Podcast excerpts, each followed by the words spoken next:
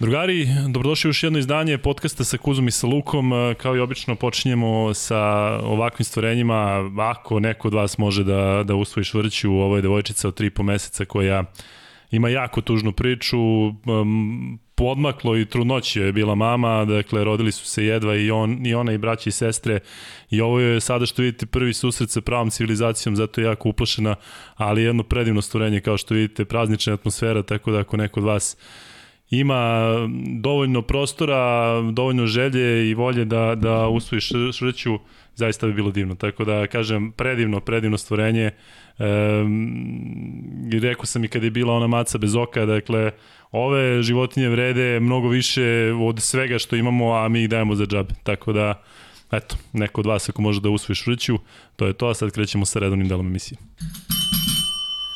Znate kakav je ovo zvuk, dakle počinje još jedan podcast sada izvanično sa Kuzmom i sa Lukom, e, broj 13, je li tako Kuzma? 13, da. Da, 13, to je malo baksudan broj, kao tako kažu, ali je praznična atmosfera, želimo da čestitamo još jednu novu godinu svima koji slave, vjerojatno slave svi, i onima koji slave Božić, tako da e, želimo vam sve najbolje u ovim prazničnim danima, Kuzma, što se pridružiš čestitkama. Naravno da, da proslave u zdravlju sa svojim porodicama, da zaista bude bolja godina, ne, ne, nemam nekih nagoveštaja da će tako i biti, ali ajde da se nadamo. Na što i misliš da, da reci meni, drugarski šta? Pa evo, gledamo, gledamo da je košarka, aj pričamo samo o košarci, gledamo Aha. košarka gde je vezano za koronu, čitamo o broju zaraženih, mnogo ljudi oko nas koje poznajemo su, su u problemima neko manjim, neko većim, tako da ne nagoveštava ništa dobro, ali prosto mora da, da se nadamo, makar, makar ovi dani koji su bili lepi oko praznika i da da se posvetimo nekim drugim stvarima, porodicama, da neke stvari e,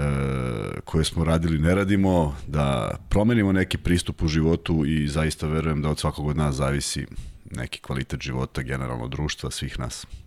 Kuzma, mi smo obećali kada smo počeli ovo da radimo da ćemo imati opuštene emisije, da ćemo se često prisjećati onih koji više nisu sa nama, a da ćemo dogovoriti i o idolima.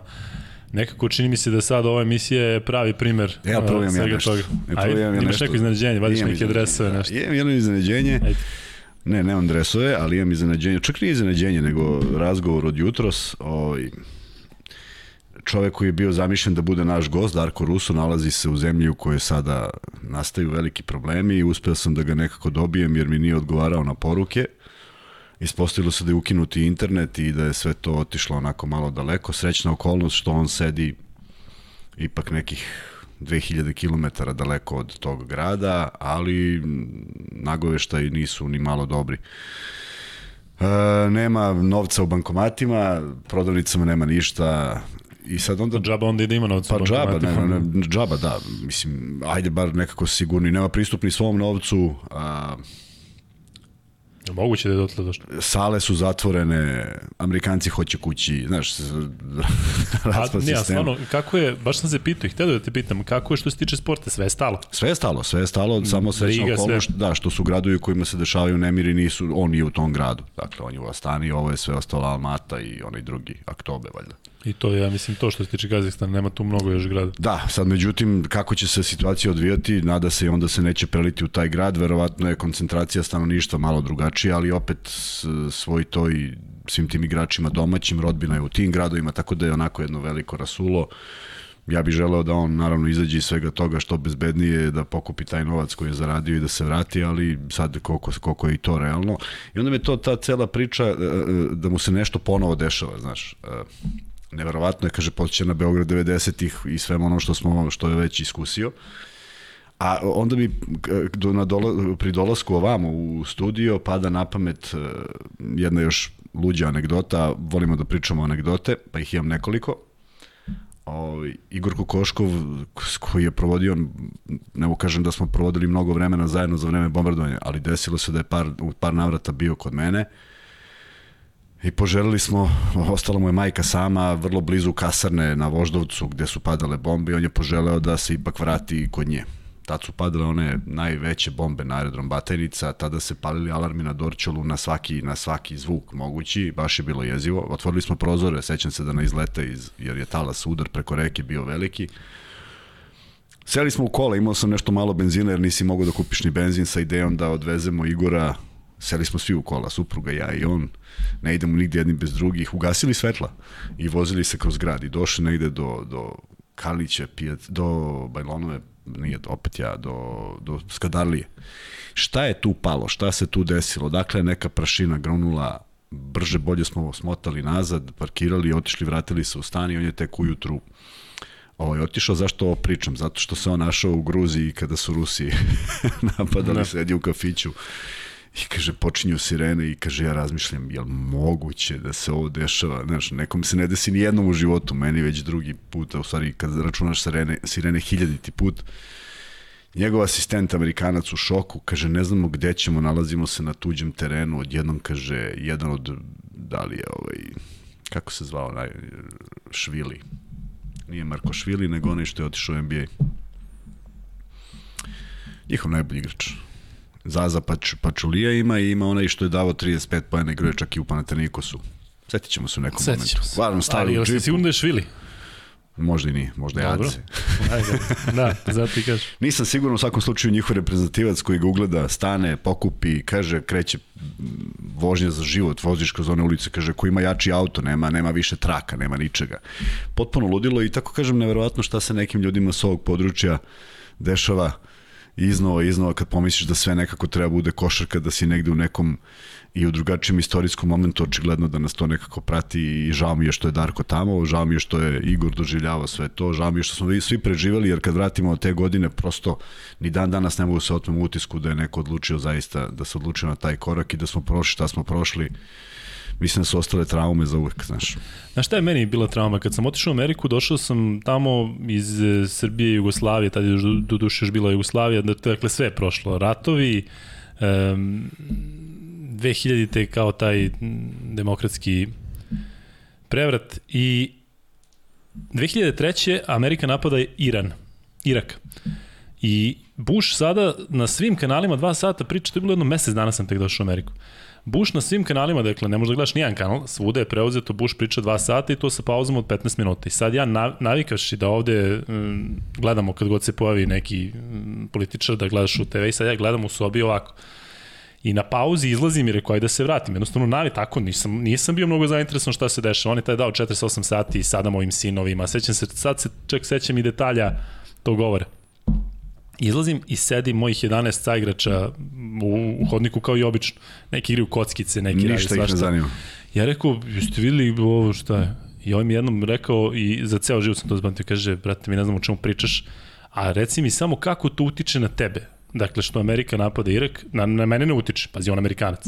11 mnopotih igrača, ne bih pravio sa razliku da, da li je to zato što ne, su tak, tak, pa da. Takvi, da. Šta se dešava? Ja dobijem stotine mailova, pazi, tada je sve funkcionisalo preko maila i uđeš na blic eventualno kad odeš u, nismo imali kompjutere u sobama i mama i tata mi šalju, jao, čuli smo gas maske nosite, nema veze sa životom, razumeš? Dakle, gledam ti, ovde je bila da. priča sada, znaš, mi smo tamo zarobljeni, sad će ovaj da šalje sadam hemijsko oružje, mi, znači, gledam ti, mislim da smo i dalje, što je najgore, opterećeni nekim stvarima na koje prvo ne možemo da utičemo, a drugo možemo lako da ih se da da se odbranimo od tih stvari. Kažem ti, u suštini samo uključiš televizor ili ne ideš na na na te neke sajtove kažem ti... Ili samo prekinamo ovde i nastaviš tamo da si započeo emisiju. Vidiš, dobro si mi rekao. A ti si pričao duže od mene, to sam htio malo da ti pare. Melem, ja i Kuzma imamo kao... Danas ti duže sigurno. Je. To sam siguran. E, ali neću jedini dugo pričati, to, to isto znam. Ja i Kuzo imamo kao tu neku foru, gost sedi, pa mi pričamo, pa vi ne znate da je gost, ali gost već tu neko vreme sedi, a gost nam je Vanja, koji inače sedi tu samo 2 metra levo. Vanja, dobrodošao. Hvala, hvala. Dobrodošao u, u, u, dobrodošao u kući. Vanja je onaj kada mi pogledamo levo, pa ja kažem, e, Vanja, ono i Vanja, oni koji su sad ga, sad ga vidite. Tako je, Tako koji je. se ubacuje za NBA ligu kada Kuzma krene preopširno ili u nekom trenutku stane, ovaj, ali e, Vanja, naravno, znate ga vi koji pratite NFL, znate ko je Vanja, šta je Vanja. Vanja, kako ti delo na toj stolici, ali u ovoj košarkaškoj varijanti? Pa, prirodno, mogu ti reći. Pa, da što je košarka u pitanju. Pa, tako ne, da. šta.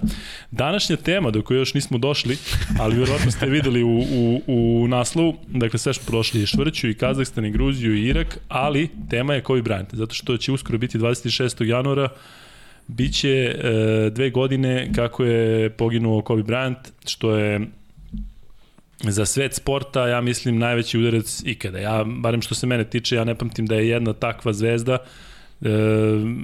na taj način otišla tako rano.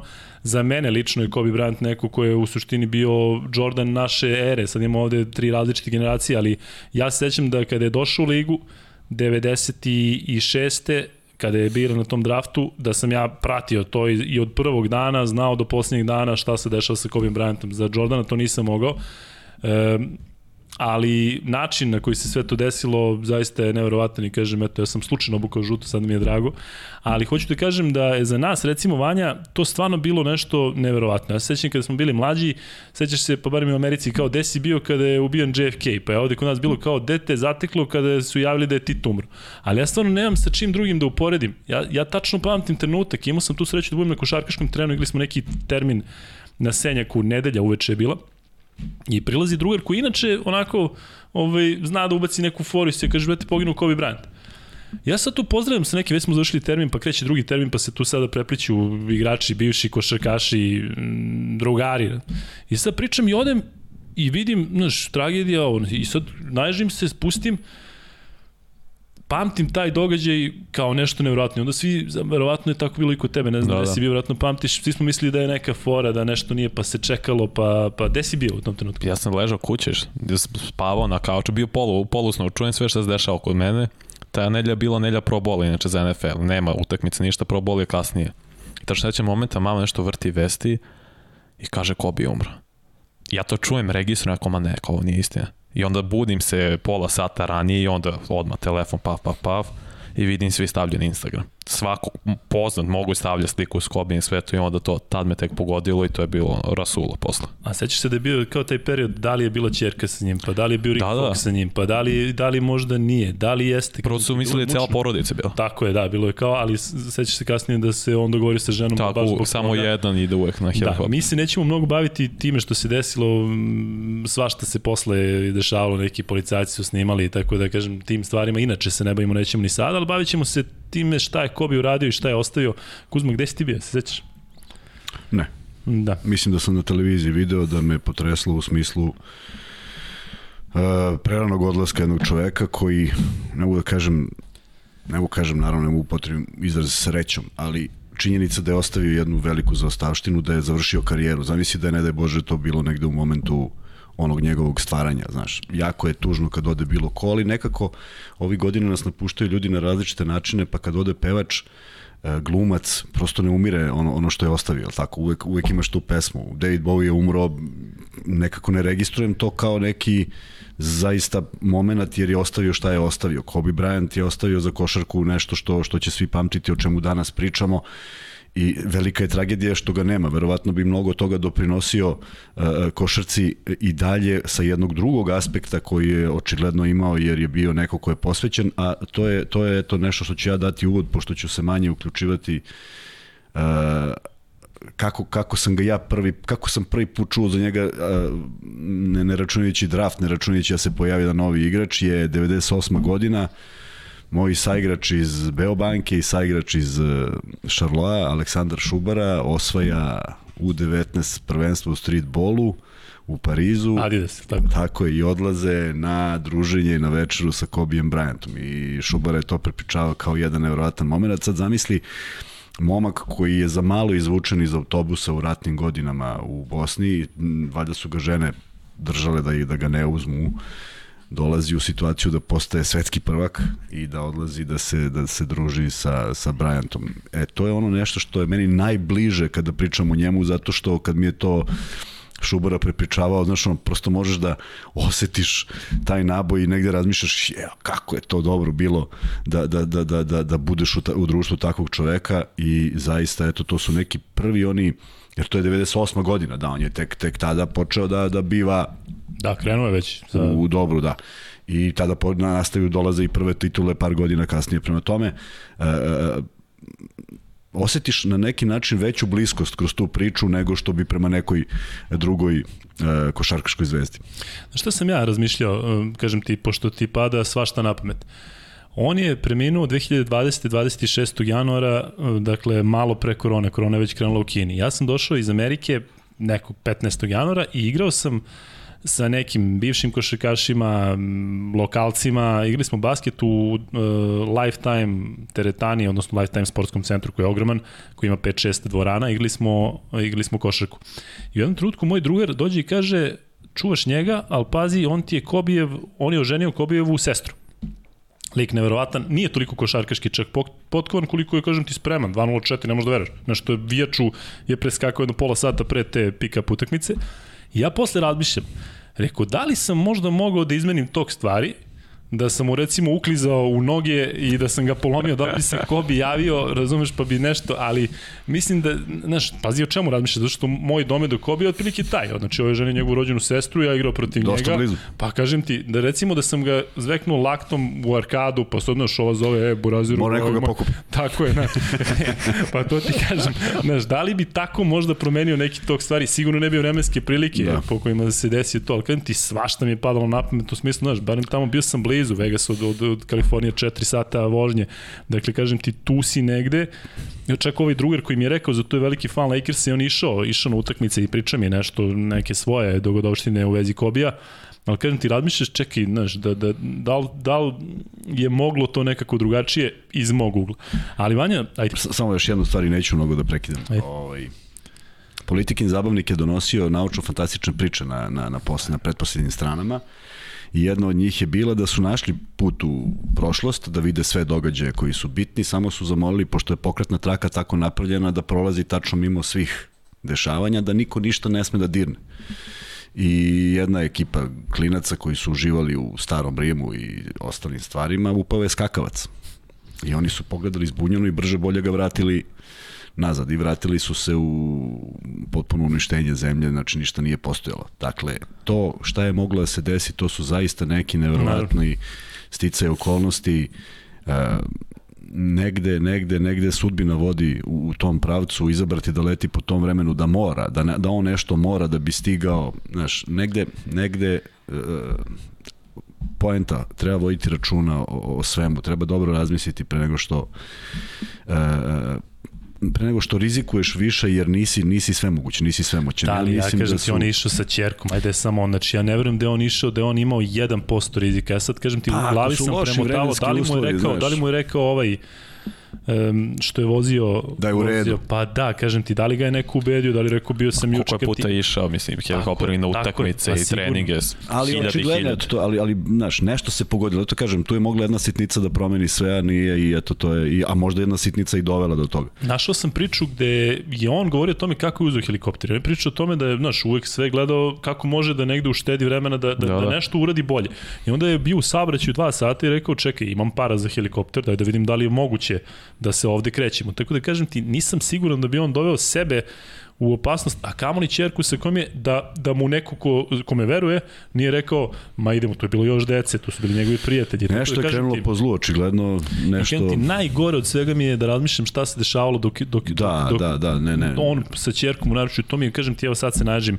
Um, ti si rekao da je on ostavio ozbiljnu zaostavštinu. E, doćemo, ićemo sada, kažem ti, od početka, od pre Kobija, pa Kobi, sve, sve u vezi njega, ali e, meni, e, iz ugla nekoga koji, kažem ti, pratio sve to, dakle, e, on je završio karijeru 2016. godine. I, je tako? Da. Da. 2016. i kažem ti, on je tek tada, posle 20 godina, 24 časovnog e, bavljanja samo košarkom, mogao da se poseti konačno onome što i sam govorio da mu je sada, kada su pitali šta ćeš da radiš posle košarke, on je rekao ne znam, ali znam da ću u tome biti dobar. I onda i njegova žena pričala i dok je bio živi sve kaže on je sada najbolji otac na svetu, on je bio najbolji košarkaš na svetu, sada najbolji otac na svetu. Tako da um, Uspeo bi onome što je naumio, sigurno. Tako je, da, takav je tip, takav je, takav znaš, je tip, da. I, I često prave, recimo, paralelu između njega i Đokovića, zašto su se njih dvojice tako našli. E, zato što su to ljudi koji, koji kažem ti, gledaju neke stvari drugačijim, imaju možda nešto su za, za većinu od nas su možda jedan stepenik iznad, pa kažem ti sve gledaju drugačije, u smislu, vidiš, oni su e, jedan i drugi su posvećeni istim stvarima, ajde tu govorimo o meditaciji, ali u, u suštini sve što rade, ajde da uradim kako treba, i ishrana, i e, život, i ovako i onako. I e, baš mi jedan drugar pita, kaže, brate, kako to Đoković i Kobe Bryant pričaju toliko jezika? Zato što Bryant stvarno tečno govorio španski, italijanski, italijanski, ajde zato što je tamo. Tako je. Znači, on priča tečno i Đoković gde god ode, obret. Znaš, Želi da se obrati. Tako je. Znaš, a garantujem ti da oni ne sede kod kuće i sada e, je me pel, znaš, ko Joy iz, znaš, uči ili pusti kasetu. Jednostavno, oni mogu da prihvate neke stvari. Srkijeva omiljena priča jeste da je naučio francuski samo zbog Tony Parkera. Ja tako? Da bi mogo njega da trebaš toliko da, je. To se, to se sećam, da. I samo je zato naučio jezik, ni, ništa drugo. Da, da, ekstra. da bi istekao taj edge protiv njega. Ali kad on priča sa Vujačićem na tečnom italijanskom, to je okej. Okay. Da. Otac mu igra u Italiji, prove deo detinjstva tamo. Sad kao italijanski i španski su okej. Okay. Na konferenciji za novine priča tečni španski, sa Gasolom priča tečni španski. Ajde ovo srpski, što je govorio neke psovke i da. sve, pa Luka Dončić kada je rekao baš malo pre smrti, kaže on dođe iza meni i čuje neko priča slovenački. Razumeš, znači, ti, jednostavno, garantujem ti da nije zato da bi se sad on dopao Luki, da on sad nešto, jednostavno čovjek je zainteresovan za sve i gde god, kažem ti, znaš, ono, spusti šapu, ajde da vidimo, da, znaš, da, da ne prelazim preko toga olako. Ali ajde idemo na početak. Vanja, pre tvog rođenja desio se jedan draft koji je bio prilično bitan za istoriju košake. Tako to je draft 96, je tako? Da, da. Tu su bili, ko se tu bio? Ajde ti, pa, ti to... Bio je Iverson, on, prvi pik na draftu, Iverson, Nash, Kobe, naravno, Ray Allen, Stojaković je bio, Marcus Camby, ti znaš, uh, Ben Wallace je bio tad ne draftovan, sad završio u Hall of Fame, tako bilo baš ozbiljan draft. Sharif i čini mi se Abdur Rahim isto da, da, bio treći pik. Da, on je bio baš visoko Za Vancouver, da. da, da. Tako je bio baš ozbiljan draft. Pa to je, ja mislim, najbolji draft ikada. Znaš da se isto. kao taj 2003. I 84. Tako da. je, 84. 4. 96. 2003. Ali ajde da se bavimo Kobijom. On je bio, ajde da kažemo, prvi ili drugi e, Garnet je došao pre njega, koji 95. je došao iz, tako je, koji je da. došao iz srednje škole i prakti, praktično je začetnik tog nekog novog talasa igrača koji su preskakali koleđ kada su dobili šansu.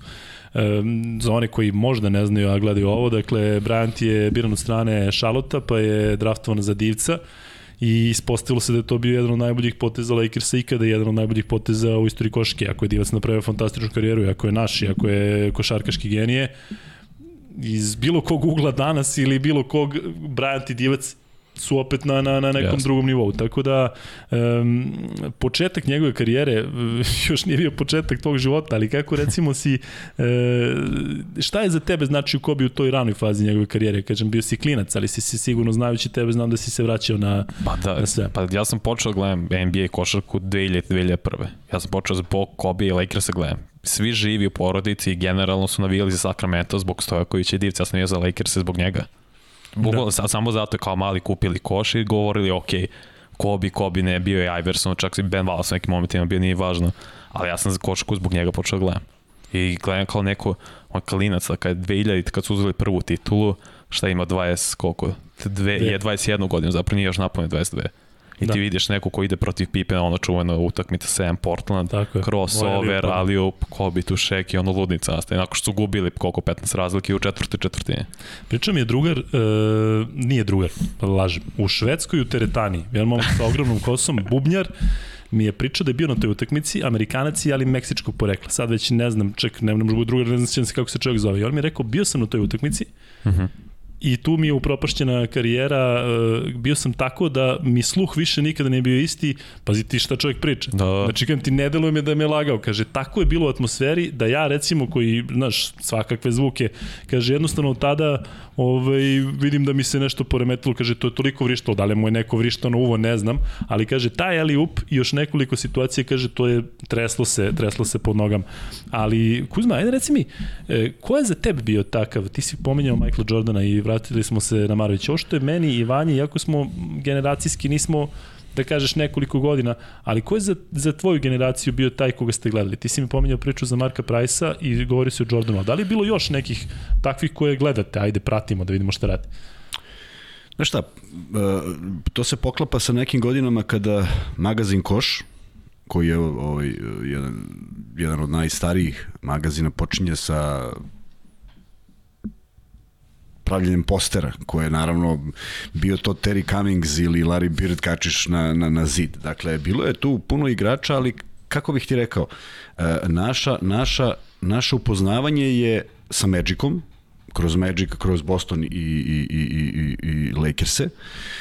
Uh, Magic koji te privlači već imenom, ili tako? Znači, prosto Da. želiš da gledaš njega, u tom trenutku sa 15 godina, 16, ne dobacuješ veličinu i ne prepoznaješ veličinu Birda, je li tako? Zato što je prvo, znaš, ovi su sad atraktivni jer su crni, mi nemamo do tada dodirnih tačaka sa, sa crnim igračima, A, I gledamo njega. Drugo, ovde je centar u Bostonu McHale, je tako? Opet belac, znaš. Ovde je sve neko bilo džabar koji je, uh, pamtimo ga iz Bruce Lee-evog filma, mislim, znaš. Tako. Tako da tu kad povežemo neke stvari, imali pilota avionu, isto on. Jeste. Dakle, pamtimo ga iz nekih potpuno drugačijih stvari i naravno da su onda Lakersi ti koji su, koji su u centru pažnje, ali onda kada počinje da se prikazuje NBA košarka, zaista su sve oči uprte u jednog i tu je bilo uh, Portland je imao Clyda Drexler, mm -hmm. tako, da pojavio se kasnije John, uh, John Starks u New Yorku, dakle bilo je tu U Juti. u Juti. Uh, bilo je tu Stockton Price, je tako, ta neka belačka, belačka uh, priča playmakera. Bilo je tu puno igrača kojih se sećaš na ovaj na onaj način. Bio je prvi Nemac, koji me ne mogu setim imena, nema šanse. Detlef Schrempf, da. tako je. Pojavio se Sean Kemp. Da znaš da je Detlef Schem došao u Beograd i da sam igrao protiv njega na, u, u FNP-u su organizovali recimo 2008. 2009. neko iz FNP-a će znati to, došao je Detlef Šemf kao gost nečega. I? I sam Igrao je. Istanburusi. E, nije, ali, ne, kažem ti, tada sam bio spreman, ali ovaj, e, podsjeti me na tebe, da li veruješ? U smislu da je košarkaš koji je završio karijeru, a pazi i dalje na sebe u smislu, znaš, znaš kako u Ti misliš većina da ode... pazim na sebe? Pa kako na sebe, ne, pa znam, vidio sam te ja kako skačeš i sve. Ali, ovaj... Da, u emisiji. Ne, možda, tako je. Ali, Možda ne na terenu, ali... ali e, znaš, čovjek koji, koji, kažem ti, odigli smo nešto malo, kažem ti par pasova, kažem ti, vidiš da sve drži u malom prstu čovjek koji je igrao za Seattle protiv Jordana i Ono, nije Gary igrao. Payton. Tako je, znači nije Detlef Schem bio tada peta opcija, bio je Da, treća, treća. treća. posle Kempa i Paytona, Tako i je. ajde posle Perkinsa, možda neke četvrta. E, zaboravio sam I Detroit, da sa, sa, ne, Bad sa Boys. nevjerovatnim iz- igračima, ali tako tamo nisi mogao pogledaš mesto osim najantipatičnijeg svih vremena Tako. Bila Lembira, ali tako, ali a, ovo ostalo su sve bili igrači u koje gledaš od Joe Marsa, Isaiah Thomasa, znaš, i ti onda kad vratiš film da je on jednoj nozi dobio Lakers-e i da sve to postoji dokumentovano, zapisano, znaš, prosto gledao si kao u bogove. Mit se stvara odmah. Pa da, tako je. Međutim, pojavio se taj jedan koji je, koji je upravo ono što ja sad iz ovog iz ove pozicije mogu da kažem taj koji imao drugačiju filozofiju u svemu tome, znaš. Um, meni je neprihvatljivo da, da o, taj jedan antagonizam koji postoji sa Detroitom, da je Zea Thomas i godinama kasnije, 30 godina kasnije priča kako je nije u tri najbolja, znaš. Mislim, deluje smešno, ja mislim da i sam sebi deluje smešno. Ali uh, uh, ugledali, pogledali smo njega i on je bio Kobe Bryant našeg vremena. Jer nije bilo u stvari ništa što on nije mogao da uradi Govorio za Jordan. za, za Jordan. Naravno. Tako. je. Nije bilo apsolutno ništa što nije mogao da uradi, nije bilo nečega što možda zamisliš da on ne uradi. Uh, inače, uh, jedna sad mala digresija, uh, sećaš se legendarnog koša dr. J-a ispod table. Kako Da, da. Pručan, E, dakle, ja to kad sam vidio godinama kasnije, jer to, to je za mene bilo, znaš, počneš da istražuješ ko je Dr. J. Nemaš mnogo informacija kao sada, pa onda nađeš nešto, pa vidiš da je bio neverovatan igrač, čak neki Jordan ispred, ispred uh, njega, jel tako? Dakle, svi imaju te svoje heroje i lepo je što ih imaju, ali uh, Kobe Bryant spada u red heroja koji je dokazao mnogo toga, znaš. Uh, nije isto imati heroja koji je malo marketinški potkovan, pa to sve ide, a ništa nekad ne uradi. Zato ja uvek volim da vežem heroja za uspehe, za, za titule, za, za nešto što, što jeste samo ko, ne, ne igranje košarke, nego donošenje rezultata. To je bio Jordan, to je bio Kobe, razlikovali su se u nekim nijansama, Uh, onaj, onaj fantastični onaj miks njihovih poteza koji je identičan da. uh, nije to bilo kopiranje Jordana to je jednostavno sposobnost tog igrača da napravi taj potez Tako što nema, nema mnogo ljudi koji to mogu prema tome to je jedan kvalitet koji je doneo uh, malo su igrali jedan protiv drugog, je li tako? Malo. Pa Da. to je. I igrali su, Malo. i kad se Jordan vratio u Wizardsima, Tako je, ta, Odigli su da. 2002. Tako je. 2003. i to je bila ona legendarna utakmica kada je Kobe već 55, kidao. da. Tako je, 55 Kobe. A znaš šta je priča iza 37 toga? problema. Ne. I priča iza toga jeste utakmicu pre, prvu utakmicu koju su odigrali Wizards i Lakers i Michael rekao kao nikad ne, možda nosiš te patike, ali nikad ih nećeš popuniti. tako je, tako je. I ovaj I ovaj aj nije pričao naravno dve nedelje ni sa kim. Da. Ni sa kim je bacio 55. Ali nešto je bilo 37 na poluvremenu. Da, da, bilo je prvo poluvreme bolest. Pa su se ovi odvojili i Šabina, Da, da, da. da li nešto u četvrtoj i nešto manje igrao. Nam da je, da je bilo 50. Oduvali su ih na kraju, da, da. Tako je. Ali to je znak poštovanja. Kako ne? Pa kažem ti, pa vidiš Jordan kako je na, na komemoraciji njegovoj e, pričao i koliko je plakao i šta je govorio za njega i koliko je iskreno rekao, on mi je bio kao mlađi brat, dosadni mali brat koji me zove u sred noći da me pita, da. brate, kako ovo, kako ono i na, meni je najzanimljivije kada ga je zvao Kobi, ne znam, u jedan noću, da ga pita hoću svoju čerku da naruči, naučim fade away, koliko on ima godina? 11, 12. Šta si ti sa 11, 12 godina radio? A on je rekao kao pa ja sam tada golfom sam, bejsbol, bejsbol sam tada. Ali šta mi, šta mi se čini Kuzma i to mislim da je potpuno drugačije što se tiče tvoje generacije i ajde da kažemo ovih e, kasnih. Vi niste imali takav domet do NBA ligi u smislu, rekao si koš, video kasete, eventualno da. neki prenos, kažem ti, mi danas, sam znaš Vanja, ustaneš ujutru, Bleach Report ili već Tako šta, je. dakle da pogledamo, imaš svaki potez može da vidiš. Tako da, pretpostavljam i koliko znam, vi ste ipak, logično je, imali i dole naše. I bilo je zaista da možda probereš, ko što si pričao Miško Marić, sve, dakle, on ti je ovde i on igra košaku. I zašto je. sad oni tamo koji ne znam ni da li igraju, jeste neki Magic, ali kada ti za, na, za nas, kakav je NBA liga postao, postala show i kakva je tehnologija već poslednjih koliko, znaš, sve ti je dostupno, sve vidiš, vidiš te potezi. Mislim da su generacije koje odrastaju sada posebno mnogo više vezane i da će recimo nekom današnjem košakašu pre da bude idol Kari, nego neki šuter iz Zvezde ili Partizana. Da će predati bude borbe neko nego Lazić. Što ne kažem da ispravno. Slažem se, ne, ne, slažem se potpuno zato što je tada, tadašnja liga jugoslovenska bila pa možda i prva, po nekim razmišljenjima prva, negde prevagu uzima Španska liga kao liga koja imala dva stranca, pa su oni kao donosili taj, eto ga da kažemo, kvalitet. Međutim, zaista si imao neverovatne igrače, e, da postoji naš Hall of Fame, mislim da bi svi bili jednostavno iz svih tih generacija je bilo veliki broj igrača koje si gledao kao idole i pokušavao pokušao prvo da uradiš to što oni kažu i zato Slobodan Nikolić tada na tom treningu kada mi je pričao neke stvari kaže ugledajte se na Bele nije bio u, u, u krivu jednostavno hteo je da kaže pokušajte da kopirate e, i sada međutim moram ti kažem jednu stvar jeste bio jedan časopis jeste bilo vrlo skromno jeste kaseta čuvena kaseta Come Fly With Me, pa to je to kad ubaciš, to kad ubaciš u video, to razmazane boje, gledalo se 4 miliona puta. Ovi, ovaj, uh, uh, uh, činjenica je bila da smo znali iz svakog tima pa bar 5, 6, 7 igrača. I to ono se i u društvu, znaš, jer to je sad bila, to je sad bio postalo in. Da. Prosto pratiš uh, uz, uz neverovatno malu količinu informacija, kažem ti, znali smo petorke, znali smo igrače, znali smo ko šta postigao, iako su bili dosta šturi, ali kažem, ovaj Koš magazin je to doneo na jedan na jedan ve, na velika vrata. Vlada Stanković koji ga je koji ga je osmislio je to doneo zaista da bude pa znaš kupiš koš Sećam se prvo, ja mislim da je prvi broj divac na naslovnoj strani, znaš, jedna glupa slika ispred Staples centra pa, pa, pa ovako otvoriš, pa čitaš sve šta piše, ne ideš sad da vidiš ti tamo. Vaša da Biblija. Ma ne možeš da veruješ, znaš, pa onda i sečeš, pa, ja, meni je ceo zid bio i bili su jako lepe slike su bile, nisu bile neke slike, znaš, bez veze, nego stvarno bilo dobrih postera jedan period kada smo svi uz to odrastali, a kada se pojavilo na televiziji, to je ono što sam ti rekao, trčimo kući i gledamo. Meni je žao što ta, što ta želja u jednom trenutku prođe, što ja Bryanta jesam gledao u, u Lakersima, znači to je onaj moj, još kraj moje karijere, pa pratiš sve šta se dešava, pa vidiš da je u paru sa Shaquillom O'Nealom, pa to već samo po sebi deluje impozantno i van reketa i u reketu. Tako da su to neke godine moje igračke karijere kada sam ja još uvek to sve pratio i zaista u njemu video posebnog igrača, kakvih nema mnogo, igrača koji ima onaj klip kada iz auta ga čovek štrecna, on nije trepnuo, nije reagovao, uh, nije, Matt Barnes. nije, da, neverovatno. Kasnije njegov mislim. jako dobar drugar. Da, da. Skobi ima tu varijantu da s kim se kači, bolje da ga dovedem, naš respekt, da, da, Meta World Peace Runner test. Mislim, Seća to s Houstonom, ove ti playoff da serije. Da. Kada se zatrčava na njemu, ako bi kao ništa, tako ga razvalio laktom i još faul ide AR test. Ali kažem ti, Matt Barnes je ček ima, pokušat ćemo kroz ovu emisiju da i tako neki ispričamo priče. Matt Barnes ima uh, baš lepo priču sa, sa, sa Kobijem. Matt Barnes ima tri sina ili četiri ček. A Kobi ima četiri čerke, ova jedna je poginula sa njim, Điđi.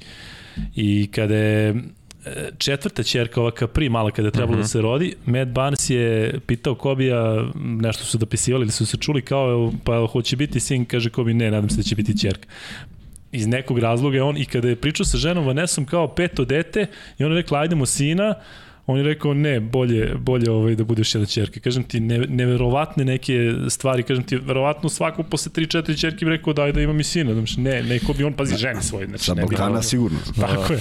Pa sam se dotegao što uvod tu neku košarku kod mene kao mali je bio miks NBA i Evrolige. Ja sam pratio Vučka, Bodiroga, one Barcelona čuvena, ja, ovo Jasik Ivičis isto tada, Diamantidis, McIntyre kad igra Monte Paschi, ja sam obožavao gledam Monte Paschi. Ne. Ali to je bio miks više, čak nije bilo toliko naše, nego stvarno je bilo Euroliga, jer još nije bilo Bleacher Report, sve to ne znaš. I onda gledaš, te stigneš, Bleacher Report, ovaj Euroligu NBA i onda od svakog po nešto uzmeš. I Da. tako je bilo upoznavanje s košarkom. Jeste, ali znaš šta, Euroliga i NBA su bliske danas posebno u tom smislu da stvarno NBA igrači dolaze. Ranije ono, recimo Wilkins kada je došao, tad si ti imao tu konekciju između e, Eurolige i, i, i NBA ligi, u smislu stvarno došao je jedan vrhunski igrač, pa je dolazilo još igrača, možemo sad da ih nabremo koliko god, ali, znaš, vraćaju se sve, ali u to vreme se stvarno je bilo mnogo daleko. Dakle, Jeste. jedan divac otišao tamo, pa ne znaš ni da su- to je otišao, ni sam početak rekao. 90-ih, znaš, dodovanje se to mnogo po- promenilo. U krajnjem slučaju, ja kad je počela NBA liga, ja još nisam trenirao košarku. Znači, nije, nisam bio neko ko je bio zaluđen. Tek onda iz tog razloga i postajem zaluđen. I onda se dešava ovo što Vanja kaže, vidiš neke idole, gledaš Euroligu. A, meni se zaista u najboljem onom smislu reči desilo da igram protiv ljudi koji sam gledao na televiziji. Si igrao protiv Fučke? A, protiv Fućke nisam. Gregor Fućka, gde se njega setio? Evo ti, Ne, ovo- ti se, e, koliko god da sam, da, da sam ovaj... Ali jeste Igrače. ne, nismo samo sticajem, ne, da li nismo da sam zaboravio na sticajem Gregor. Fućku da postoji, kao ti sad da se sećam svega. A, samo sticajem okolnosti. Ali uh, petorke, petorke naše, one moje Evrolige, svuda su Aha. bila dva, tri reprezentativca koje, znaš, možeš slovno da mu držiš i poster na zidu bez, bez, nekog, Da, da. bez neke sramote. Pričao E. sam Karnišova, si ko još da su vas nešto na foru, pa nešto ste okrenuli kad ste ili protiv Barse, pa jednom... Karnišovac kao mi ga sačuvali nešto. I još neko, neko mu je pas bacio, komu je bacio pas, ne, neko sad, znam tandem da je- sa nekim. Da, bilo, ali bilo je puno tandema zato što Da. je Panathinaikos tada Bodiroga i Rebrača, znači ne, Da. da. uopšte ne pričamo o ovim ostalim fantastičnim igračima, ali uh, 97. 98. titula sa Zvezdom igramo Kup Koreća. 98. 99. ja prelazim u Beobanku i igra se turnir, uh, onaj turnir Beogradski pobednik. Kako ne sećam se. I Duda Ivković dolazi da odigra sa Beobankom pred turnir jednu utakmicu. I tada izlaziš na teren sa Fasulasom. Sad pazi, Fasulas je 80-ih bio taj prvi grčki, on Janakis, jel tako, i Galis. Dakle, Niko prosto Galis. gledao si onog čoveka pauka, ovaj, onolikog, i on izlazi na teren i ja mu nešto prilazim i nešto mu odbrusim, ali iz najvećeg zezanja, A on kaže, izvini, molim te. Ali znaš kako je to delovalo iskreno? On stvarno nije, e, nije, nije se folirao. Ja počeo se smejem i kažem, vidi, Rekao, da me nije sramota, sad bi nosio, rekao, papir i olovku da se potpišeš. Aj samo da završim, da, da Izvini, ne moram da priču. se, da se vratim za pamti na Beogradskog pobednika. Aha. Mi smo tad čistili parket, to nam je bila obaveza od 15. do 17. godine na Beogradskom pobedniku se čisti vidiš. parket. Ja se naravno zabodem, sad možeš čistiš parket, ali opet si tu. Ne znam da se sećaš, Alba je gostovala i bio je Ginter Benke. Igrao sam ja protiv Alba, ako E, ja pričamo sam, o toj godini. tako, da. ja sam protiv Ginter Benkija, idem sa onim, kao zove me sudija, ajde, i ja se zakucam u Ginter Benkija koji ima 217, znači, ne možeš da. I, ovaj, I dobio sam aplauz sa... To je sa 97. turnira. 98. Tako je, kažem ti, zamisli, eto, vidiš, bili smo zajedno na parketu, ja kao čistač, a ti kao, kao igrač. E, ali interesantna, da, ali interesantna stvar e, da godinama kasnije imamo nastup u, na U19 na Kritu, ja u avionu za Krit i pogledam, u mom redu, pogledam čovek samo ošišan Panajotis Fasulas. Nema još nikog između nas, ja priđem i kažem izvinjam se, on kaže izvolite. Rekao imao sam tu privilegiju da igram protiv vas, mnogo mi je drago. Ja sećam, sad on seća se, mislim, nema veze. I e, dolazimo na Krit, sad počinju one utakmice i neko četvrtfinale, polufinale, kad u jednom separeu u bašti sedi čovjek, muzika neka svira, sir, rakija, ove masline, kaže, dođe vam. Kaže, vi Srbi, kaže, znate da se zabavljate. I tu mi provedemo neko vreme pred utakmicu, znaš, nadrealno je. Nije, nije normalno da si u društvu e, čoveka kojeg si u onom periodu kad ja još nisam trenirao, znaš, no, gledaš i pitaš se ko, kako su ovi Grci ovako jaki. A tada su Galis, Janakis, Galis, i Janakis, Fasulas, Fasulas. zaista bili, ne, pa se pojavio Kristodulu, pa pojačao tu reprezentaciju, pa je u stvari tih... osam- Ikonomu, sećam se, Tako, da, da smo ikonom. njega.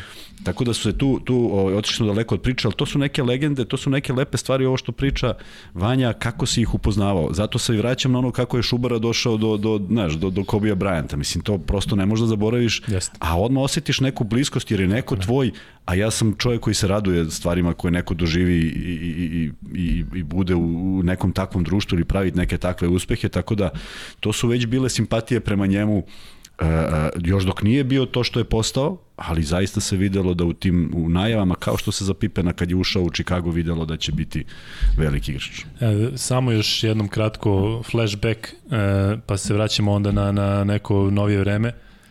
Da se sećaš albuma sa sličicama 89-ih, 90-ih, onako kao sveska je bio? Sećaš možda toga? Da li si to, kažem ti, ja sam to počeo da skupljam sa 6-7 godina, e, onako bukvalno je bio baš mali, kažem ti, formata sveske. I imao si jednu stranu e, za NBA tim, ne sjećaš se toga? Ne. ne. Kad ti ja sam to skupio, sećaš se i dobio Divca, dobio sad taj glavni igrač i kao, kao, ne znam, da li veća sličica ili ne znam, imaš jednog igrača možda još trenera, pa grupna ili ne znam šta je. Seća se žuto, ovako tri koša su bila, nemaš, nemaš pojma čemu pričam. Ne, ne ali sećam se 81. 82. E, dobro, Znaš, da, pa da. da, da Stojanović, Krmpotić, Jovin, Borovica, Jurišić, Pižon Blagojević, Dule Savić, Đoka Milovanović, Repčić ili Šestić. Ali znači skupljao si, samo nismo isto nisam. vreme. Da, da. Samo malo ranije i malo, drugi, malo drugačiji Tako sport. Tako je, Vanja, ti jesi skupljao sličice? Pa naravno, 2003. je bilo prvi album. NBA album, baš je bio u vrtiću, sa tucu, u vrtu, da, sa tucu, sa znači, šličice. Je bilo tapkanje i po klapke i to? E, nije. Samo je onda kao donosiš, kao, da. vidi ovo igrač. To bilo po petorkama su tad bili, ono, bi, mislim da su, tačno sećam sam imao i Shaq i Kobe i sve, sve to i onda na istoj strani Lakers i Clippers, ko, ko je sad Oliver da. Candy, ko je Lamar Odom, nemaš pojma, ali kao skupljaš, moraš da popuniš album. Tako to bio prvi album. Da vereš, moj sin, E, koji su, oni sada su u tom periodu da svi vole futbol i svi skupljaju neku FIFA 365. Ove, I to je, kažem ti, ono, ima jedan ovaj njegov drugar komentata kupi tri kutije i on uzme i to otvori za vikend i sve popuni. Ja mu kažem, čekaj bre Burazeru, daj malo, znaš, podobiš sličicu, sve, znaš, no, jo, može. I on nalepi to i zatvori i u oktobru počne i, i sedmog počne, devetog završi. zabava. Pa kažem ti to, ali pazi ti mene, koji, kažem ja sinu, počne malo skupljaš i ovaj NBA, šta fali, znaš. I da li veruješ, kupu mi sličice, ja se više radujem od njega. Znači on sad, znaš, on sad vadi, razumeš, Jamal Mari, ne znam ko je Jamal Mari, ne znam ko je Lopam, razumeš, sada ne znam, Kyle Lauri. I samo ja objašnjam sve i nekoliko puta smo izvukli Jokića, čak smo jedno vreme smo nešto nalepili u, u kola, kako ti ljudi stavaju pored, ono stoji Jokićeva sličica, ali to je bilo na moju inicijativu, ne na njegu. Elem, um, da se vratimo na Kobija, kažem ja uživam stvarno u ovoj priči e, i onda idemo previše okolo i naokolo, ali što se tiče Kobija, ne znam da se sećaš Vanja ta njegova prva sezona kada je ono ispromašio protiv Indijane u play-offu. Za protiv Jute. Protiv Jute, da. da, da. I sećaš se šta je prvo uradio sutra ujutru kad je krenuo, znači završilo se... Sad je bilo 3-4 airbola, bukvalno su bilo airball. Baš airball, airball, da, da. još on uzima loptu i opet i airball, i airball i svi šire ruke, da, da. mislim da je čak i došlo do Lakers, u Lakersima, čekaj bre, ovaj mali uzima sve lopte, razumeš? Kao ruke. Prva, tako je, i prva stvar koju je Kobe uradio e, kada se završila utakmica, otišao da spava, ujutru je ustao i krenuo da trenira. A ima toliko tih priča e, kakve su bile njegove radne Za olimpijade. Navike. Tako je, sa olimpijade. Da. Ajde, to je, naj, ajde, to je najluđe priče. Da. Mislim da je to Boši čak pričao prva, prva priča iz 2008. Da, da, da. Kao Boši hteo da se nametne kao ja ću kao mlad sve doći prvi ujutru, sve nije problem ustaću. Na doručak. Na doručak, da, da dođe na doručak. Ovo je valjda došao, u, ako je doručak bio u šest, da. ovo je došao u četiri da istrenira. Tako je. Savršio prvi trening sve u znoju, doručkovo je otišao dalje. Tako je. I ovaj, kao tad mi se, sad tad mi se oči otvorile. Tako to. Tog momenta. Kao. Sa Chris Bosh kada je primjen da. u Hall of Fame pričao o tome, a je znaš priču za Jay Williamsa koji je došao kao igraju protiv Lakersa u 7 i on kao idem ja u dvoranu u 3. Znam to, bre, ne znam detaljno, znam, čuo sam. Jay Williams koji uđe u dvoranu u 3 i kaže sad ću ja tu da, da ubacim 400 i bit ću spreman za Lakersa i Shaq Kobe i kaže Kobe već tu Pritom nije došao pre 5 minuta, ali kaže mu je majica znojeva toliko da, da, da je tu već neko vreme. I kaže, ajde ja da ubacim svoje, ubacim, kaže on na drugoj strani i dalje sve, ali kaže, nisu to ono sada ti šutiraš pa šutaš baci, nego su to sve, kažem Iskretnje ti, šutevi, tako da. Je, to, kažem ti svaki, svaki potest, da. tako je. I on kaže, dobro, idem ja, i, ovaj, i odigrao oni protiv Lakersa izgube i on ga posle pita, kaže, Kobi, kako, mislim, šta, šta se dešava? I ko mi mu kaže, video sam da ćeš ti da dođeš, video sam te, da ideš u hali, Znao sam da ćeš da dođeš, pa sam hteo da dođem pre tebe da vidiš da ima neko ko će da trenira više od tebe. Ali kažem ti, nije to jedina priča. E, meni, ona koja se najviše dopada, a novijeg je perioda praktično um, Randall je pričao iz, iz Njujorka, koji je mhm. naravno sa Kobe, da. da, s njim je krenuo, krenuo karijeru, bio je ruki kada je Kobe završavao. I on je pričao kako Kobe, kako mu je Kobe rekao, da gde god da gostuju, prvo što uradiš iz aviona, ne, nebitno da li tim, ti idi i šutiraj u nekoj hali, sali, gde god, šutiraj na koš. I to dan danas rade New York Knicksi. Znači oni kada slete, oni prvo idu u salu da šutiraju. I u Filadelfija mislim da je bila priča da je Julius Randle otišao u neku u neku e, malu srednju školu negde, neka sala, mislim to u Americi nije malo u smislu dobar je teren i sve. I pita valjda domare, kaže, smijamo? Kaže, smete. Nema problema, što da ne, kao šutirajte, ajde, pustit ću vas. I kaže mu, izvini, ovo verovatno nije, nije ovaj baš, nisi naviknuo, kaže, ne, ne, dešavalo se, kaže, Kobe Bryant kad god sleti, Dođe on prvi. dolazi, tako je, pa iz, iz, iz aviona direktno, kaže. E, ja ne znam koliko je tačno na priča, ali ide za Larija Birda i za utakmice u Njujorku. E, ajde, čem? Ne u Njujorku, u, u Los Angelesu. Dobro. Pa da je pravo iz taksije otišao, odigrao 20-30 basketa sa lokalnim Pa, I da na kraju, da na, pokupio je sve pare, na kraju je častio taksistu i kaže da zapamtite kad dolazimo mi iz Bostona. ali o Larry Birdu su... ćemo pričati, da, da, ima, naravno. ima, ima prilike, pričat ćemo o Larry Birdu. potpuno drugačiji koncept, jer uh, jako malo ljudi uh, uh, mogu da shvate u kom su oni, na kom su oni nivou. Uh, znaš, uh, često, sam, često sam razmišljao o tome kako uh, pevači u Americi, kako glumci, koliko, koliko tu truda ulažu. I ti kad pogledaš, ne može niko ko ne zna da peva da prođe daleko, je tako? Pre ili kasnije se su novrati.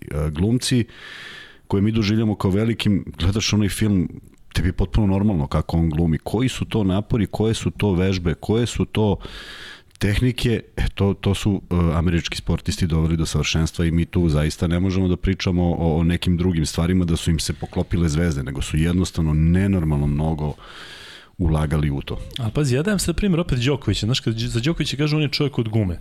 Pa nije pa on nije rođen da, naravno, takav, naravno. nego on ide i dva sata se isteže dnevno. Tako je, tako, I onda tako može je. da izvede kao gimnastičarka. To isto radio i Kobi. Znači, kažem ti, on je jednostavno sport, ajde sad sport kao sport, ali jednostavno sve shvatio drugačije. Kažem ti, ja recimo, e, dajem sad opet primer, ne pokušavam sada da vežem Đokovića za ovu priču koji je ovih dana aktualna, ali kažem ti, Đoković je jednom rekao e, razlika između njih i nas ostalih. Dajem sad primer sebe. Đoković kaže, e, u, na Australijan Openu mi se baš jela čokolada, nisam mogao da izdržim i uzeo sam jednu kockicu razlika između njega i, da kažem, ostalih ljudi, i meni kad sede čokolada, pobedem dva puta po 300 grama, razumeš? No. I sledećih šest, ovde mi se, razumeš, kažem ti, to je ta razlika. Znači, njemu nije mogu da izdrži i uzuje kockicu. Drugačiji mentalni kažem sklop, ti, zato su se oni Kobi našli. A pritom, priča između njega Kobi je takva da Kobi nije ni znao ko je on. Znaš, sad u tenisu u Americi nije toliko.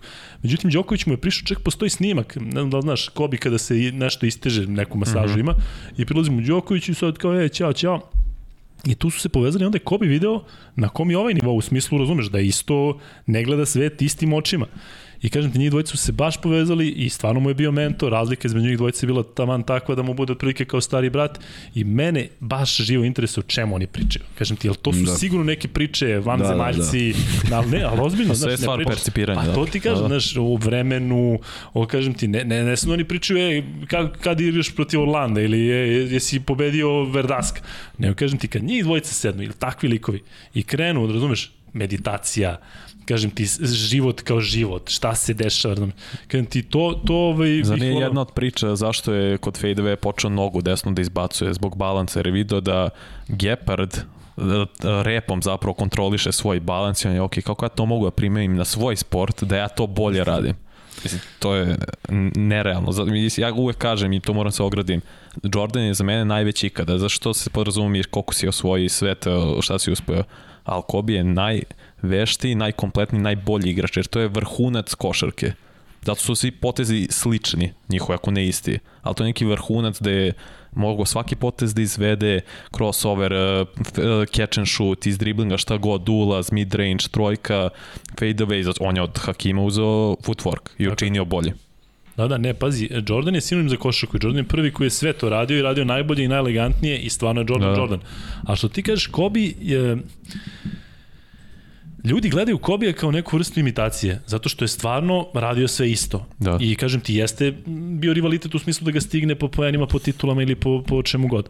Ali bilo je recimo stvari, ja se ne plašim da kažem i Kuzma i Kuzmine generacije, svi oni koji, bilo je stvari koje garantujem da je Kobi mogao da izvede a da niko drugi nije. Nećemo sad da govorimo o Jordanu. Dakle, oni kaže da. ti svaki što ti kažeš trojku, Kuzma rekao zašto ovaj nije šutirao trojku, imao je svoje razloge, zašto kad mogu da priđem bliže košu i sve. Al Kobi, kažem ti je sve doveo do perfekcije. Dakle, apsolutno svaki Koji one šuteve levom rukom. Tako je, dakle, leva ruka, kažem ti, svako, znaš, i iz te strane, kažem, on, kada, pre nego što, malo pre nego što se desila tragedija, on, s obzirom da ima četiri čerke, da je ova Đijana bila toliko ovaj, talentovana, on je rekao ja ću promeniti ženski, daću sve od sebe da promenim uh, pristup prema ženskom uh, sportu, ko ženskoj košaci i kažem ti, zaista je i tragedija i to što se desilo naravno, ali i tragedija što nećemo znati koji su bili dometi Kobe Bryanta posle svega. Pa videli smo da nekle, nakon koliko igrača zapravo išlo kod Tako njega, je. on off-season, Kawhi Leonard, Tako Paul George, da nabrani nekoliko samo koji su stvarno išli samo oko njega. Kyrie Irving, to mislim da mu je Jest. bukvalno omiljen i zapravo igrač bio Irving. Jeste. Sećaš se da su oni da su nešto prozivali, nešto ti si igrao jedan. Da, 2012. baš na olimpijadi. Tako je, tako je. Za jedan na jedan. Jeste, na kraju nikad nisu ni odigrali. Tako je. Ali to žensku košarku isto Candice Parker je išla kod Candice, njega. Tako je. Ova što je sad White u NBA-u. Da, Diana Taurasi isto isto. Da, da, Sabrina Ionescu što je na koleđu dominirala, sad igra u Liberty isto. To je sve podmuk, to je došlo iz njegove škole. Su oni tako. išli i hteli da napreduju. A e, olimpijske igre 2008. E, znaš za priču Dajane Taurasi? Da. Koja, kao idem ja isto u halu idem da treniram malo i idem da izvedem malo, da, da malo, kada igra Amerika, Amerika kada igra u ženskoj košarci je još dominantnija nego da, u da. muškoj.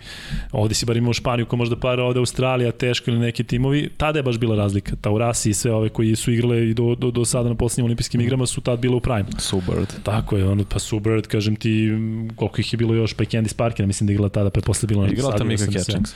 Jeste, jeste, jeste. E, I šta se, Liza Leslie igrala da. I e, šta se dešava? Uh, kaže on, idem sad ja malo u halu da vežbam Kobijeve poteze. I kaže, vidim njega kako vežba svoje poteze. Znači, kažem ti, bukvalno kaže, na, ovo, te god da natrčiš, natrčiš na njega u dvorani, kažem ti, tu si mogao da ga nađeš uvek.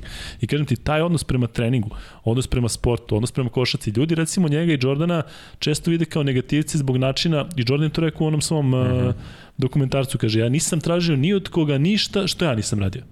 Dakle, maksimalan trening, maksimalna posvećenost, maksimalno sve, pa ako treba da budeš malo i grup prema rukima, prema mlađim igračima, kad ti zato recimo tu kad se desilo sa Šekom, u Americi znam tada se podelila Amerika, ili si za Kobe ili si za Šeka, čak su bile porodice afroamerikanaca, da se izrazim tako, gde, naš, otac u onom fazonu kao, vidi sina u kobijevom dresu, kaže, sine, dogovorili smo se da smo mi na šekovoj strani, znači, kažem ti, skidaj to, pazi, klinac koji je 5-6 godina koji je dobio, kažem ti, to je bila ozbiljna priča, ali vidiš i šek dan danas priča o kobiju se u superlativu, kaže da su jednostavno to dva dva velikana, dva ega koji svako hoće da istera svoje, ali da su oni na terenu funkcionisali fenomenalno i sam kaže da, da, da bi bilo 10 titula.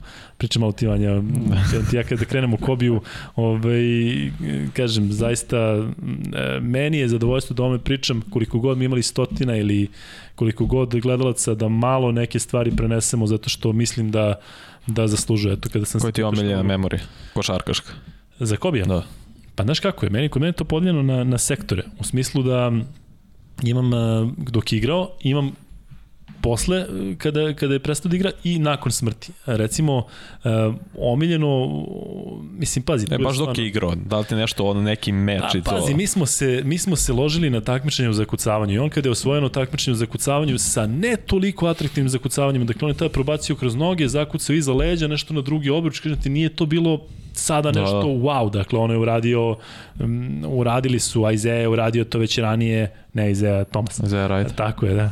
Ove, ovaj, znači, kažem ti, nije to bilo, ali Kobe je to uradio, uradio na svoj način, kažem ti, recimo to, pa onda njegov prvi All-Star, ona, ona tri zakucavanja, tako je, kad mu baci onako, kažem ti, ali što se tiče ovako, moram ipak da izdvojim tu uh, poslednju utakmicu protiv Jute zato što sam ja tad već bio mator čovjek, razumeš, koji ovo i sećam da sam ustajem, oni naš 4.30 uveče, 4.30 ujutru, to traje do 7, pola 8, sa onim se trajalo od 8 i prenosio naravno sport klub i kažem ti, ja sećam žena spava pored mene, ja ustajem, kažem ti ono kad je neki njegov potez, kada je ono bilo, kažem ti, to, ta utakmica za mene ima nešto posebno. Evo, moram priznati, kada bi trebalo da izvojim e, ta utakmica i kažem ti, ta konferencija posle gde on stvarno u stvari rekao, vraćam se na to, kaže, ja ću biti uspešan šta god da radim. Dakle, nije ovo kraj, ovo jeste kraj košarkaške priče, ali ja sutra kad krenem da radim nešto, pisao knjigu, znaš da je dobio Oscara, Oscar, da. tako je, znači on je bio čovjek jednostavno uspešan u svemu.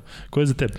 Uh, utakmica 6 2010 finale konferencije protiv Phoenixa, onaj double pump fake protiv Grant Hilla, što je bilo 40 nešto sekundi i kako je Gentrija posle udario sa strane. Da. To, u, ta, taj šut neću nikad zaboravim. Da, Gentry, ali čekaj, e, pre toga je bilo ono kad je zakuca preko ne, da, ovo je bilo mnogo ranije. Da, to je još da je Gentry onako, da, da, da. A ovaj...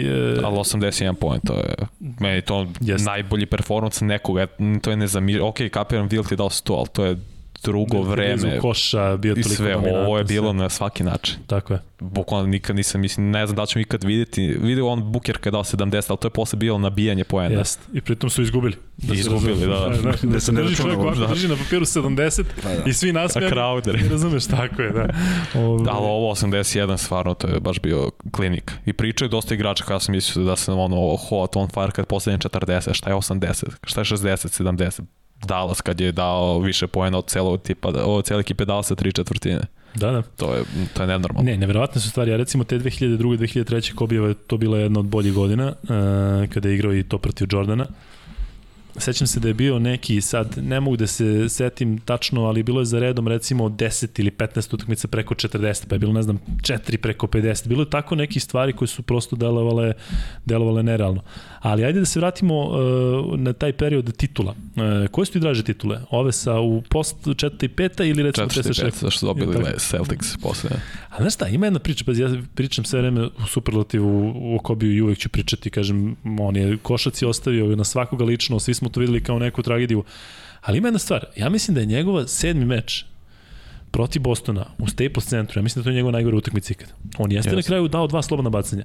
I ajde podsjetimo. Izmašivo se koliko ima, 8 od 23, 4, ali ima 16 skokova. Jeste, to, to pa. znači on ne doknadi, ali e, to je njegova jedina sedma utakmica, je tako? U, u, u finalima. Da. Da. Pazi ovo, sad će da me mrze svi. Znači, znači ide ono, neće švrću, neće usvojiti. Pazi ovo. Mi ne znamo kako Michael Jordan igra sedmu utakmicu finala. I ne može da bude rekorder u tome. Ne, nego on nije odigrao ni jednu. Mi ne znamo da li će da šutira 1 od 34. Zato imam, zašto ovo govorim? Zato što imam poseban respekt pre jednom Kairiju Irvingu, prema jednom Rayu Allenu. Zato što ti pogodiš šut gde nema popravnog. Da Ray Allen je bilo... Utakmica Tako je, da. Znači nije bila sedma utakmica, ali sećaš se, ja recimo prema Lebronu sam uzdržan. Zato što Lebron utakmice posle kojeg nema popravnog igra loše. Dakle, Kairi da nije pogodio trojku preko Karija, sve pada u vodu. I ja ti, znaš, sad ide tweet Obame, čestitam kralju Jamesu, čestitam ovom. Ja mislim da je to bio razlog što je Kairi otišao.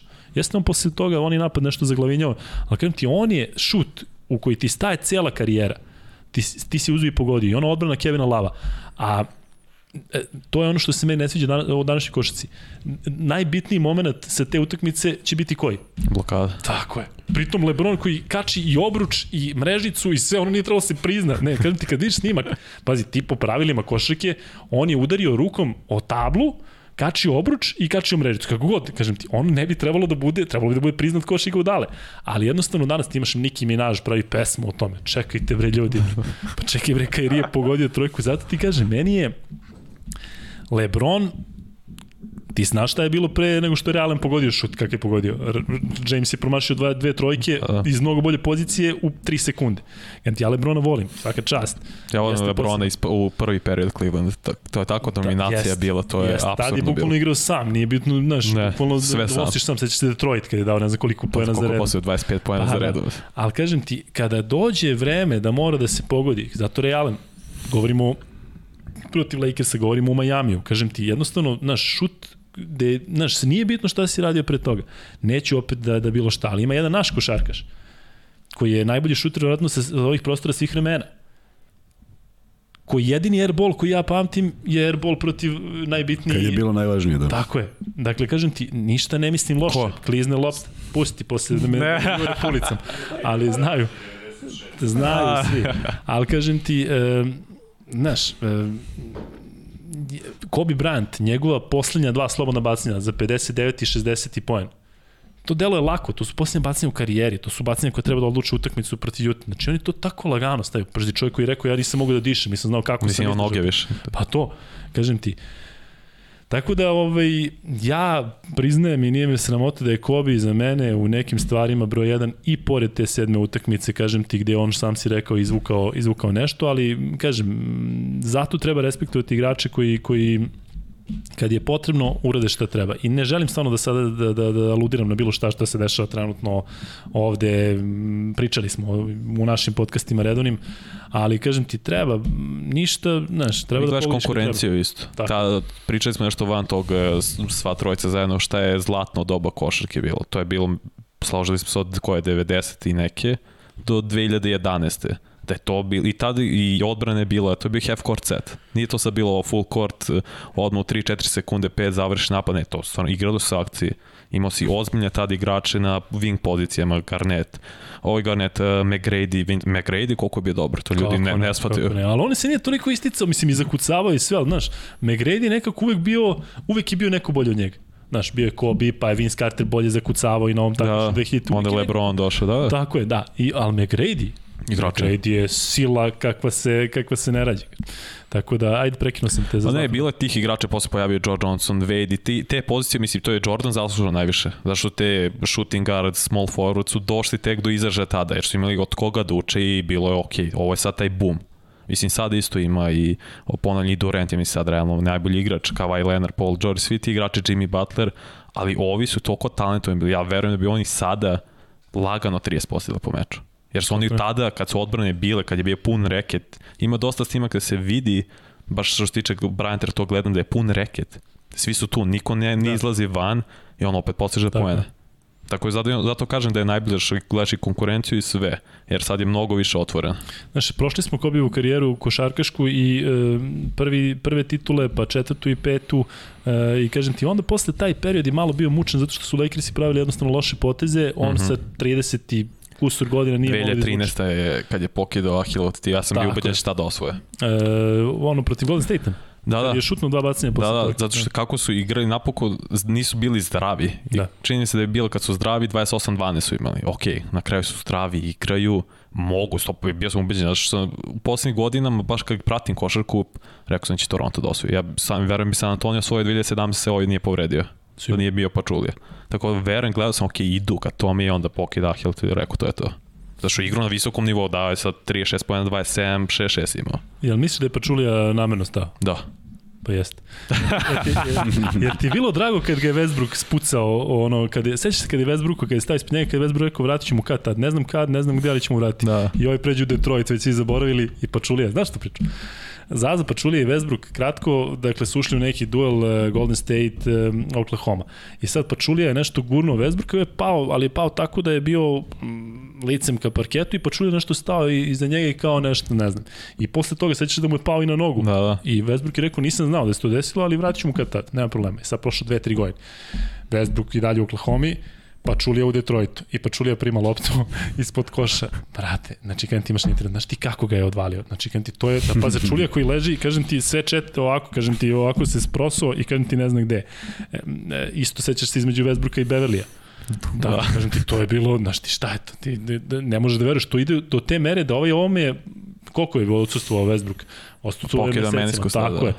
Onda ovaj namerno mu polomi nos, I nestaju tu. Dakle, ovaj nosi masku, a ovaj ga gađa u, u staru povredu, da ga opet zezne, sećaš se opet ovaj taj malo to ovaj naleće, a Westbrook koji ga i sve snage udara po, po masci kada šutira trojku, još ovom ide faul, kažem ti. Tako da, mislim da ljudi koji govore da je NBA danas, ti si prvi, da je NBA mlak i da nema odbrana, ima i dalje nekih rivaliteta, ima i dalje i... Rivaliteta i, ima, ali su ali, drugačije ima, koncipirani. Da, da. Gledaj, su, gledaj, vidi, e, ima jedan snimak iz ne znam koje godine, ja to stvarno ne mogu da, da, da vratim uopšte. Kada, kada na svakom izvođenju auta igrač u reketu udara u rame i dobio faul. Si gledao to? Ne. Pošto on izvodi slobodno bacanje. I on ide čovjek na slobodno bacanje, ne krivni duže. Onda su izbacili tu mogućnost da bude faul. Heka šeka. A, da, misliš to? Da, da, da, da. Pa, jeste, to su, jeste, vidi, to su... NBA, NBA dok, u NBA jedino pravilo koje nije imalo logike je bilo uh, ilegalna odbrana, tako, logike. Kad kažem, izađemo da igramo i sad ne znamo ništa o pravilima, ajmo da igramo košarku, igraćemo evropsku košarku. Znaćemo da tapkamo loptu, nećemo trčimo, ali ono je bilo upravo protiv toga da bi, da bi e, igra bila atraktivnija, da ne možeš da budeš u zoni, da ne možeš da zatvoriš reket, jer to je bilo mesto gde prolaziš. Da smo mi imali ista pravila, imali bi mnogo atraktivnije igrače. Rakočevića, Igora, ko bi čuvao u tom periodu sa ilegalnom odbranom, da svi moramo da vodimo računa da je igrač, pitanje je da li bi ga neko da. sačuvao. Dakle, e, sada je došlo dotle da, da, da NBA posmatra kako to da bude interesantnije publici. Čim ubaciš u taj element, tu se gubi element košarke. Dakle, ti sad činiš nešto da bi bilo interesantno. Ja samo govorim o tim aspektima, da se, da se e, ono što čak govore bivši NBA igrači, da se igra pojednostavila, da više nema onog naboja, jer evo, vi sad pričate o rivalitetu, a ja se sećam Garija Peytona koji čuva Jordana na All-Star meču kod da je, je život i smrt, razumiješ? Yes. To ne postoji više, 187, 162. Omiljeni All-Star 2001. Pa eto, to, to, ne, to, pa, pa jest, zato kažem, jest. zato kažem, to su stvari, mi smo uživali u tim All-Star mečevima uh, podjednako, jer su stvarno bili, mogu oni da se malo šale prve dve četvrtine, ali posle se mora zna, se da, pobedi. Mora, mora, ne, ne, ne prepušta se ništa slučaju. Dakle, jest, pojednostavljeno je i, i, i, i ja sam voleo pun reket i voleo sam to Isto. da, da i tu si video ti moći i snagu tih pojedinaca koji su bili izvan svih okvira koje šta god da uradiš ne mogu da sačuvaju. E, cela Jordanova karijera takva, cela Bryantova karijera je takva, ali nije svačija. Nisu svi bili u tom seg, da, da, u, to, ja u toj kažem, dužini to što su Jordan bili. i Kobe, ja verujem da je beleži 40.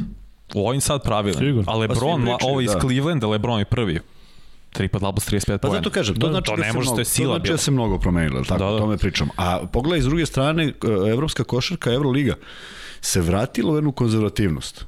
Pogledaj, od, od pre tri godine da su poeni bili na 90, 80, 90, odjednom smo se vratili na 70, 60, da, mislim znaš. Da to ima veze sa trenerima koji su vode glavne timove i koji su uh, ima, ja ipak mislim, okrenuti defanzivi. Ja mislim, da ima, ja mislim da ima veze, znaš sa čim? Probaš nešto, vidiš da ne ide, vratiš se onome što znaš. Vrlo prosto. Znači, ako, ako ti možeš da iskoristiš sve legitimne stvari da bi ostvario rezultat, ja sam za to. I uvek sam bio. Igrao sam zašto sam igrao u ekipi kakva je bila budućnost, pa kad imaš 10 napadača kakve smo imali, ih, lako ti je. Ali kad dođeš u Beobanku gde nemamo taj napadački potencijal, da kažeš aj dobijemo utakmicu na drugi način. Opet sve je bilo legitimno, tako? I uživao sam i u jednom i u drugom, zato što to jeste košarka. Nije to sad pravilo koje mi neko određuje.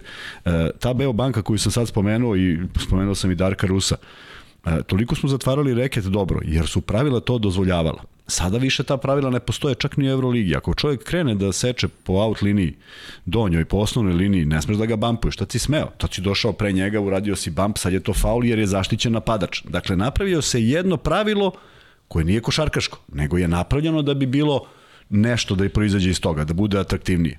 Ja volim ono konzervativno, nekad svi pričaju da jesam konzervativan, nije nikakav problem. Mi smo igrali All-Star utakmice na kojoj sam ja učestvovao, ja nisam mogu tamo da igram nešto bez veze. Ja sam i dalje igrao svoju košarku da mi pobedimo. Prosto nisam, pro, nisam taj tip. Govoriš 90-ih... E... 90-ih All Star da. utakmice, evo sad jedan momak mi je poslao snimak plavih, pa ćemo pričati jednom, dobio sam sliku belih za koje znam da sam ja učestvovao, a nisam mogu niko setim ko su plavi, pa sam dobio i tu sliku, ali se sećam da smo pobedili. Ali bilo je tu isto zakucavanje, sećam se Čubrilo, se, bilo, bilo je nečega... Čubrilo i Rakočevića, mislim da su učestvovali bilo je, Ne, nego je bilo i neki kucanje Ma, bilo je, meča, naravno, bilo je, pa ne, ne, igralo se to na 100 nešto, 100 nešto, nije to bilo sad čvrsto, ali prosto svaki od nas, znaš, ne možeš sad ti kao neki pas iza leđa koji nikad nisi dodao, ne izgleda dobro, izgleda da. glupavo. Pa Jason Williams. Taj da. E, Jason Williams e, je neko kom bi mogli da napravimo isto posebnu emisiju. Malo mi sada pade, pa onih koji, koji, koji su takvi da ne možemo da napravimo posebnu emisiju, ali u svakom slučaju mislim da je vreme da ovu privodimo kraju, zato što bi mogli da pričamo još dva sata, ali, ali eto Vanja, ali ima nešto za kraj što ti hoćeš da kažeš još o Kobiju, bilo šta? Nije ovo što je ostavio, što svi jeste mamba mentalitet. Mamba mentalitet, e, ja svima preporučujem da pogledaju, ima u nekih pola sata, dakle, uvertira um, um, posle Kobijeve smrti trebalo da se odigra taj meč u Staples centru između Lakersa i Portlanda, odložen je za nekoliko dana i onda je odigran. I tu uh, ide redom, dakle prvo uh, peva Asher, pa ne znam neka Kobijeva priča, pa onda Lebron priča, pa e, onako neki pola sata ja sam se budio jako dugo uz to, prilično emotivno najava, sećaš se najava kada ih na, najavljuju sve kao Kobe Bryanta, kažem, to je nešto što eto, je interesantno i, i lepo je, pa ljudi mogu, ovaj, e, mogu da pogledaju bilo koja Kobija priča, bilo koja Kobijeva utakmica, kažem, ne smemo i mi, ako naravno ni, ni na koji način utičemo na to što se dešava tamo i jesu različita sveta, ali ne smemo mi, ni, ni mi da zaboravimo na, na sve što je Kobe uradio. Kuzma, i kraj. E, za kraj jedan utisak, pored ovog utiska da smo pričali o zaista jednom igraču koji obeležio epohu, pa možda i celokupno NBA, znaš, nema, nema mnogo ljudi o kojima se priča na tom nivou, on je zaista jedan predstavnik svoje epohe, ali za mene je jedan utisak van svega toga, ne mogu kažem utisak nedelje da ne pozajmljamo ovaj nazive drugih emisija, utisak mi je da je jedan naš eminentni uh, portal ili kako god preneo jednu fantastičnu priču o Pitu Maroviću i ja samo želim da verujem da je da smo pomogli u tome da se o tome više priča jer je sve lepo napisano sve ono o čemu smo razgovarali sa našim gostom Goranom Neškovićem i divno je da eto ako ima deo toga da smo doprinali da se te neke stvari pamte kao što će se pričati o Bryantu kao što će verovatno veći broj ljudi pogledati ovo zato što ih zanima uh, vaše poznavanje uh, njegovog dela, njegove karijere i, i idemo dalje sa tim nekim stvarima koje želimo da da postoje, da se ne zaborave, da se ljudi sećaju i gosti u koje mi dovedemo i o kojima pričamo i da jednostavno košarka na time, time apsolutno dobija uh, onu ulogu koju zaslužuje u jednoj naciji koja, koja je srpska, koja živi za to, koji, gde, gde, gde nikako da prihvatimo da to jeste nacionalni sport, prosto ba trgamo se u tom futbalu već. Evo i sad dok je ovaj hype da sačkamo Katar, da bo, tamo budemo šampioni pa ćemo da se vratimo. opet, opet kažem, mnogo, mnogo, mnogo smo nekih grešaka napravili u jednom sportu koji nas je proslavio i tekako proslavio i to ne u, u malom broju godina. Mi ćemo da pokušamo da to menjamo bar iz ovog našeg... Tako, iz našeg ugla i koliko možemo. Da. Vanja, tebi hvala puno što si uvek. podelio svoje uspomene na Kobija i um, uvek si dobrodošao kada pričamo o tim novim uh, asovima, ajde kažemo, kada, ne znam da najavimo sada da ćemo imati, imaćemo ovakve emisije ovoga tipa i dalje, da da, da pričamo Ne moraš da pričaš o kome, ali da, mislim da bić. da opet možemo da prošetamo kroz različite periode NBA Tako lige, naravno Tako. treba skupiti neke materijale, uvek imamo čoveka koji nam je pomogao oko Pita Maravića, imamo Vanju koji zna ove mlađe, imamo, imamo o čemu da pričamo. Uh, nekome će se dopasti više, neko je manje, Tako. ali to su ljudi koji su obeležili košarku i o kojima vredi pričati zato što su doneli nešto što, što, što se ne zaboravlja tako lako. Eto, ja sam danas spomenuo doktora Džeja, verujem da velika populacija nije ispratila jer je jako teško naći, ali mi ćemo se potruditi da i o tome nešto nađemo i da, i da pričamo i o tome. I setit ćemo se i nekih naših, isključivo Kako da naših, da Kako koji da su otišli prerano i kažem, eto, ima nadam se da ne grešim, ali evo, prilično sam ubeđen, nisam proveravao, nisam htio uopšte da se spremam za ovu emisiju, pa sad kao da gledam datume, nešto da ja sad tu radim, ovo je bukvalno bilo od srca, i srca, dakle sve, sve što sam znao o Kobe Bryantu i pre ove emisije nisam hteo da, da narušavam ili da sad širim zarad emisije, ali 26. januara je poginuo Kobe Bryant, a 26. januara, ako se ne varam, se desila još jedna tragedija što se tiče jednog našeg košarkaškog trenera i imaćemo emisiju posebno o tome. Ajde da ne okrivamo ko i šta. Vanja, hvala još jednom. Kuzma, hvala i tebi što si izdržao ovu emisiju. Bilo mi zadovoljstvo. Da. Tako da, eto, to je to što se tiče ovog podcasta. U ponedeljak se vraćamo e, regularnim temama, dakle, Zvezda, Partizan i ostalo. Budite i dalje uz nas.